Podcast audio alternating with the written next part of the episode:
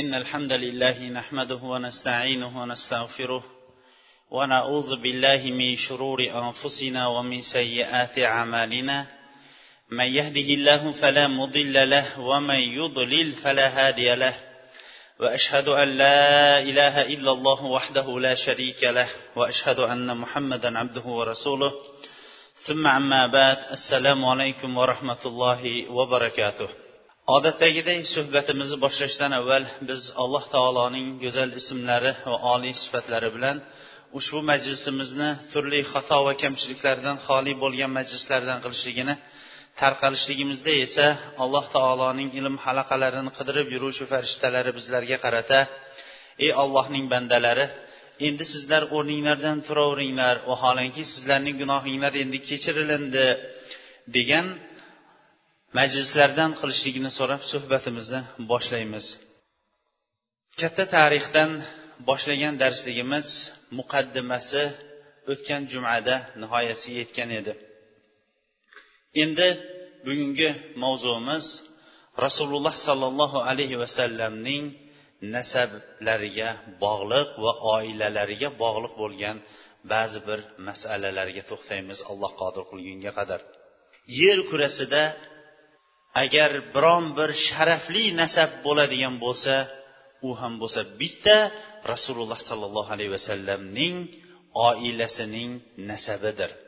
Nasab degani insonlarni o'zidan yuqori bo'lgan ajdodlariga o'zidan yuqori bo'lgan shaxslariga nisbat berishlik. Bunda insonlarning asosan fe'l atvori va boylikdagi qo'lining uzun va kaltaligi saltanat egasi bo'lishligi va eng muhimi ilm ahli bo'lishligi va jasad tomonidagi ba'zi bir urug'dan urug'ga o'tadigan kasalliklardan xoli bo'ladigan islom shariati targ'ib qilgan beshta narsani saqlashligi kerak bo'lgan o'ringa e'tibor beriladi. Demak nasab deganda eng birinchi o'zidan avvalgi ajdodlari otasi otasining otasini fe'l atvori jismonan sog'lom va ba'zi bir odamlar jamiyatda undan jirkanadigan kasalligi bo'lmasligi sharafiga sharaf qo'shilishiga sabab bo'ladigan bilim ahlidan bo'lishligi va ba'zilar mulk podshohlik qo'lida bo'lishligi yoyinki shunga o'xshagan mol davlatda kenglik bo'lishligini e'tiborga olishgan. Ammo olloh o'zi saqlasin nasabda jasadlarda a'zolardagi kasalliklar yoyinki nihoyatda fe'li tor bo'lganga o'xshash fe'llar bu insonning nasabiga kamlik noqislik hosil qiladigan o'rindir. Rasululloh sollallohu alayhi vasallamning nasabi bu bobda eng yuqori bo'lgan nasabdan edi. Ulamolar rasululloh sollallohu alayhi vasallamning nasablarini uch qismga bo'lishgan. Birinchi qismdagi shaxslarni hamma tarix va nasab ulamolari buning sahiyligiga ittifoq qilishgan. Bu rasululloh sollallohu alayhi vasallamdan to adnongacha bo'lgan qismi. Ammo adnondan tortib ibrohim alayhissalomgacha bo'lgan ikkinchi qismi bu ulamolar o'rtasidagi ixtilofli qism hisoblanadi. Chunki u ichida ba'zi birlari to'g'ri ba'zi birlari haqida ulamolar gapirishgan ekan. Uchinchi qismi ibrohim alayhissalomdan odam alayhissalomgacha bo'lgan silsilaviy nasablari. Bu haqida albatta ko'p o'rinlarini ulamolar tanqid qilgan ya'ni sahih bo'lmagan o'rinlari bor deyishgan ekan. Ammo birinchi qismi barchalari barcha nasab va tarix ulamolari ittifoq qilgan qismi u muhammad bin abdulloh bin abdul muttalib asl ismlari shayba bin hashim asl ismlari amir bin abdumanaf asl ismlari bo'lsa mug'ira bin qusay ismlari esa zayd bo'lgan bin kilab bin murra bin kab bin luay bin g'olib bin fehr. Bu fehr rasululloh sollallohu alayhi vasallamning ajdodlaridan bo'lib turib quraysh laqabi bilan nomlangan kishi mana shu kishi bo'lgan ekan. To bugungi kungacha quraysh qabilasi mana shu kishining quraysh laqabi bilan nomlanib keladi. Bin malik bin nozir asl ismlari qays bin kinana bin huzayma bin mudrak asl ismlari amir bin ilyas bin mudar bin nazar bin mad bin adnan. Mana bu rasululloh sollallohu alayhi vasallam bilan adnan o'rtasidagi shaxslar. Bu silsilaviy nasabda biron bir ulamolar yuqorida ishora qilgan o'xshash ixtilof qilishmagan. Adnan hammamizga ham ma'lumki bu ismoil alayhissalomning zurriyotlaridandir. Ixtilofli bo'lgan juzlariga to'xtab o'tirmaymizda rasululloh sollallohu alayhi vasallamning oilasiga endi kelib to'xtaymiz. Rasululloh sollallohu alayhi vasallamning oilasi hoshimiylar oilasi deb nomlanadi. Bobolari bo'lgan hoshim bin abdumannofga nisbat beriladi. Demak bu bobolari haqida ham qisqa to'xtab o'tmoqligimiz kerak. Hashim yuqorida ham aytib o'tilganday hojilarni sug'orishlik ovqatlantirishlik banu abdumannafdan keyin bu kishiga qolgan va o'rtada bu kishi haj vaqtlarida odamlarni sug'orishlik hojilar uzoqdan kelganlarni ovqatlantirishlik bilan katta bir sharafga ega bo'lgan va hojilarga makkada eng birinchi talqonni shu suvga aralashtirib bergan kishi mana shu kishi hisoblanar ekan. Ismlari esa amir bo'lib nonni aralashtirib berganligi uchun ham hashim ya'ni yumshoq mayin degan nomni laqabni olgan ekan. Va bu kishi qur'oni karimda zikr qilingan qishu yozdagi ikkita safarni eng birinchi kabada yo'lga qo'ygan mana shu kishi hisoblanadi. Va soyf ya'ni qishda va yozda ularning shom va yaman diyorlariga olib boriladigan safarlarini ham rasululloh sollallohu alayhi vasallamning bobolari hoshim yo'lga qo'yganlar. Hoshim shom diyorlariga tijorat qilib chiqqan chiqib madinada to'xtaydi. Madinada amirning qizi salmaga uylanadi. Bu kishi ham banu najjar qabilasida nisbat berilgan mashhur va buyuk oilalardan bo'ladi. Uylanganlaridan keyin bir necha vaqt shu yerda turib keyin shomga chiqib ketadi. Ayoli esa madinada otasining oldida qoladi va abdul muttolibga hoshimdan homilador bo'ladi. Hoshim filistin diyorlaridagi hozir ham o'sha ism bilan ya'ni g'azza ismi bilan nomlangan shaharda vafot etadi.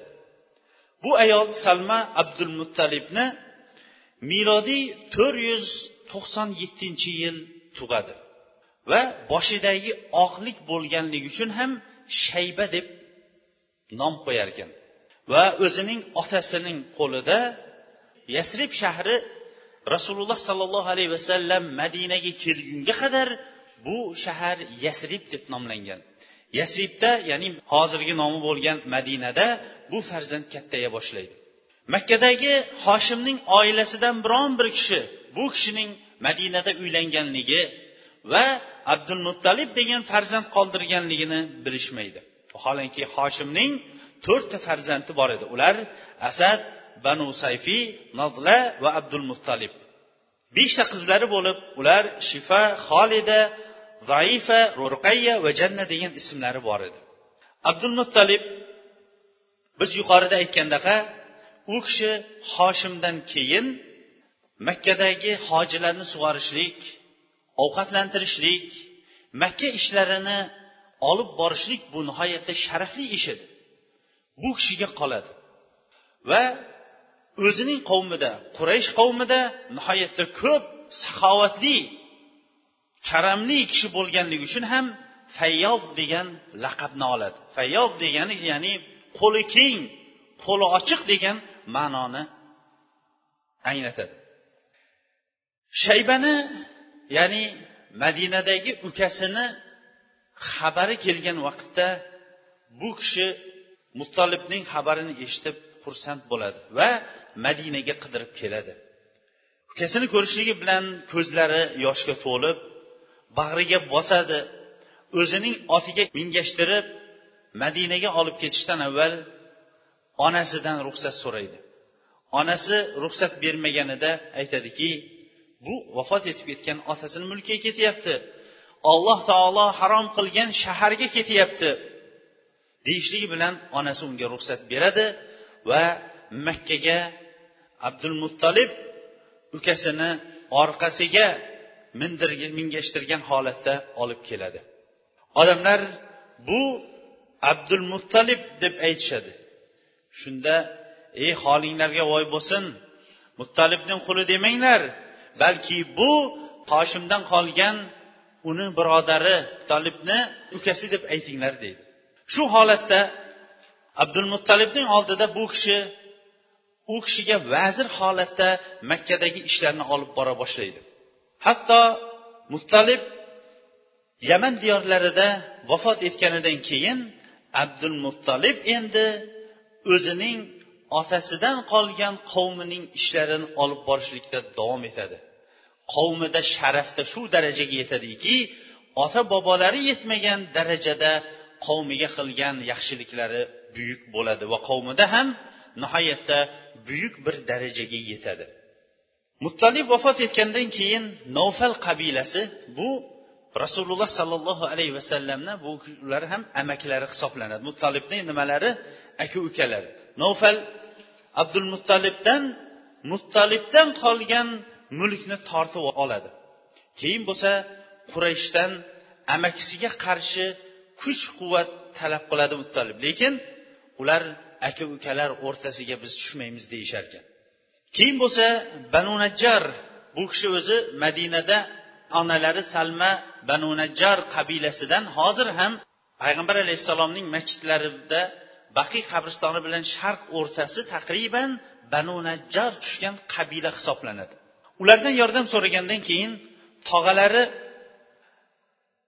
abu said bin adi saksonta otliq bilan borib bu kishini qo'llab quvvatlarkan va mulkni qaytadan abdul muttalibga olib beradi.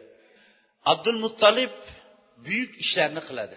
O'sha ishlardan bittasi zamzam qudug'ini bir qancha yillar avval bu kishi kabani o'zining xizmatiga olishlikdan bir qancha yillar avval tashqaridan kelgan dushmanlar tomonidan yopilgan bo'ladi.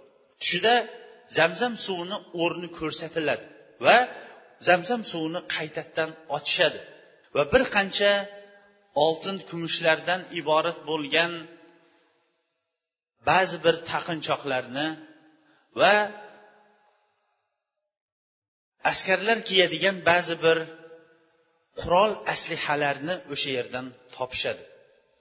Zamzam suvi chiqqandan keyin quraysh ahli bu kishidan zamzam suvi haqida bizni ham sherik qilsangiz deydi. Bu kishi mening o'zimgina ya'ni abdulmuttalib mening o'zimgina bunga xoslanganman. Chunki tushimda meni o'zimgagina bu narsa ko'rsatilgan deydi. Bunga qo'ymasdan o'zlari o'zaro bular tortishgan holatda o'zlarining o'sha vaqtlarda mashhur bo'lgan folbinlarga borishadi. Folbinga borishdan avval yo'lda alloh subhanava taolo zamzam suvi abdul muttolibga xos ekanligini ularga ko'rsatadi va ular abdul muttolibning erkiga zamzam qudug'ini qo'yishadi. Abdul muttolibning buyuk bir sharafga erishishligining ikkinchi bo'lgan voqeasi bu fil voqeasi bo'ladi. Fil voqeasining natijasi shuki abraha sabbah al habashiy najoshiyning yamandagi noibi hisoblanadi. Najoshiy bo'lsa arablarning kabaga borib haj qilayotganligini ko'rganidan keyin nihoyatda sanoga katta bir o'zlari ibodat qiladigan xristian dinida ibodat qilinadigan kanisani quradi va arablarning hajini o'sha tomonga burishlikni xohlaydi. Banu kinoni qabilasidan arablardan bo'lgan bir kishi buni eshitadida kechqurun kirib odamlarni shu butga burmoqchi bo'lib turgan butini odamning qoldig'i axlati bilan bo'yab qo'yadi. Abraha buni eshitishligi bilan jahli chiqib ketadi va nihoyatda katta bir qo'shin bilan kabani vayron qilishlikka chiqadi. Qo'shinning soni oltmish ming askar bo'ladi. Kabani buzishlik uchun yurishadi. O'zi uchun eng katta filni tanlaydi. Qo'shinda esa ba'zi bir tarixchilar to'qqizta desa ba'zi bir tarixchilar o'n uchta fil bor deyishgan ekan. Bular borishib bugungi kunda ham mana shu nom bilan mig'mas deb nomlanadigan buni ko'proq biz biladigan har bir hajga borgan odam buni yaxshi biladi. Ko'proq shu shu o'rin desak yaxshiroq hojilarimiz tushunishadi. Muzdalifa bugungi kunda hojilarimiz arafot tog'idan qaytgandan keyin dam oladigan o'rin muzdalifa degan joyga kelgan vaqtda tuyalar yurmay turib oladi. Mana shu o'rinda ular dam olishadi. Abdul muttolib va barcha makka ahllari kabani topshirib chiqib ketishadi.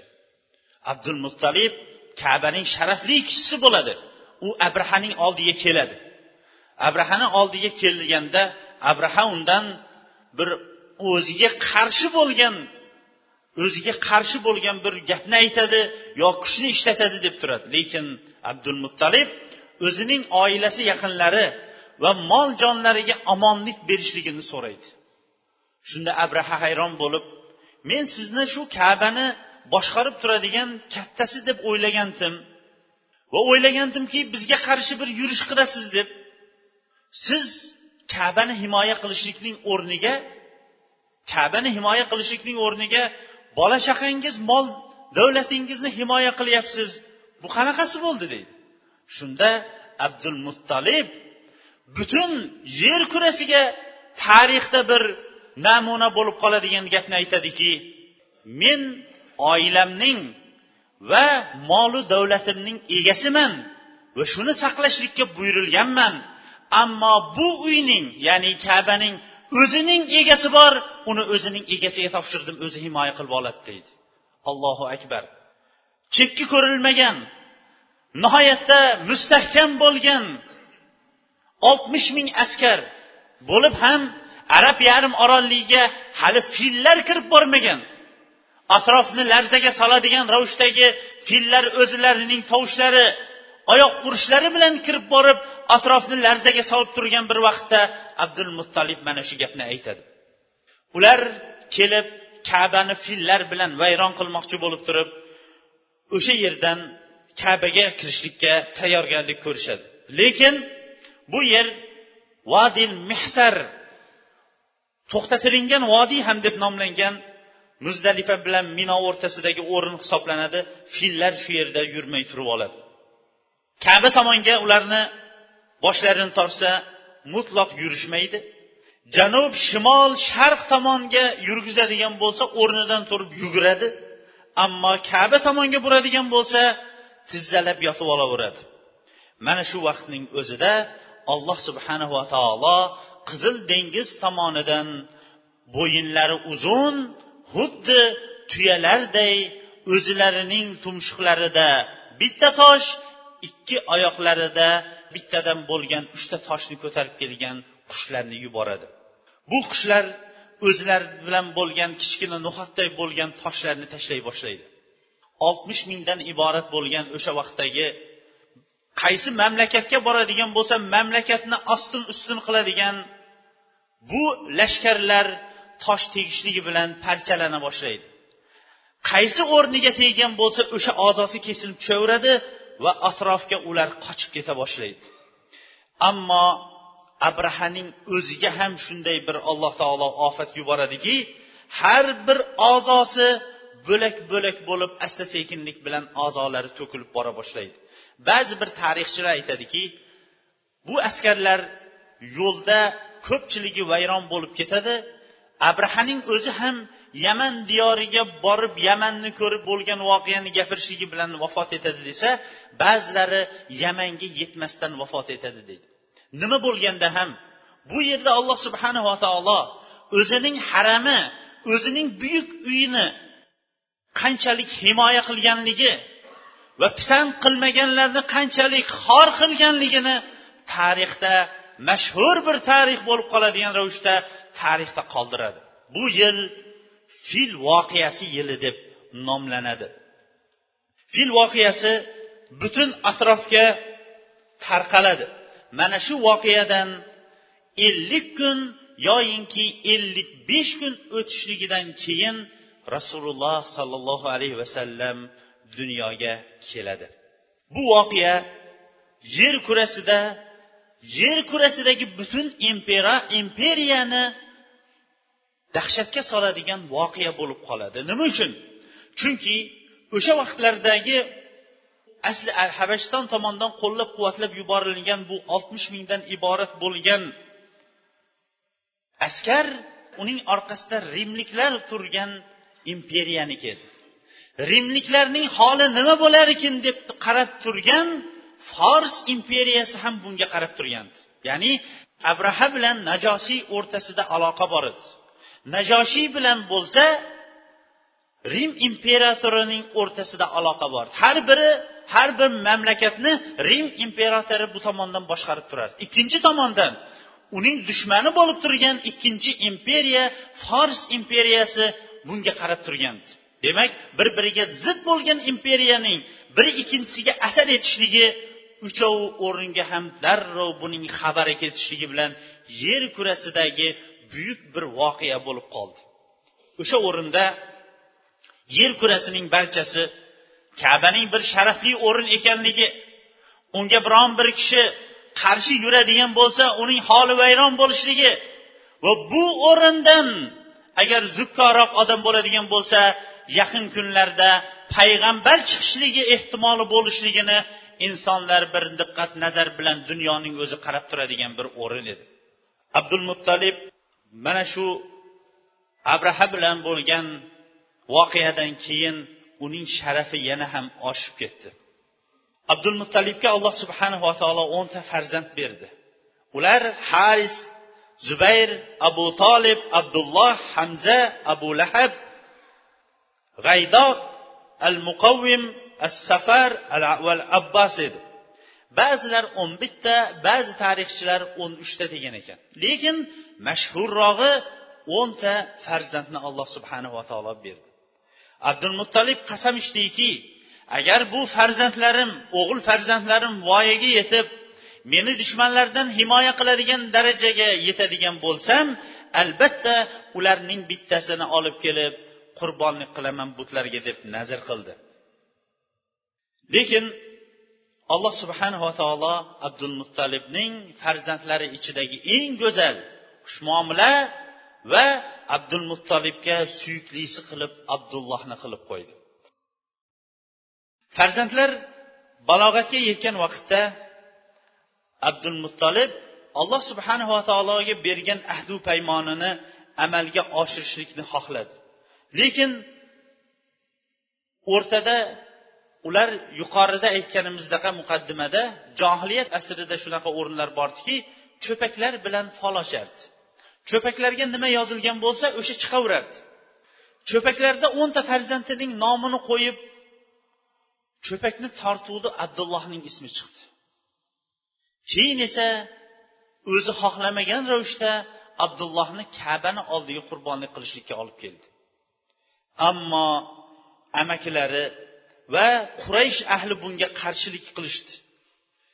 Amakilari aytdiki buni qurbonlik qilmaysan deb qaytarishdi.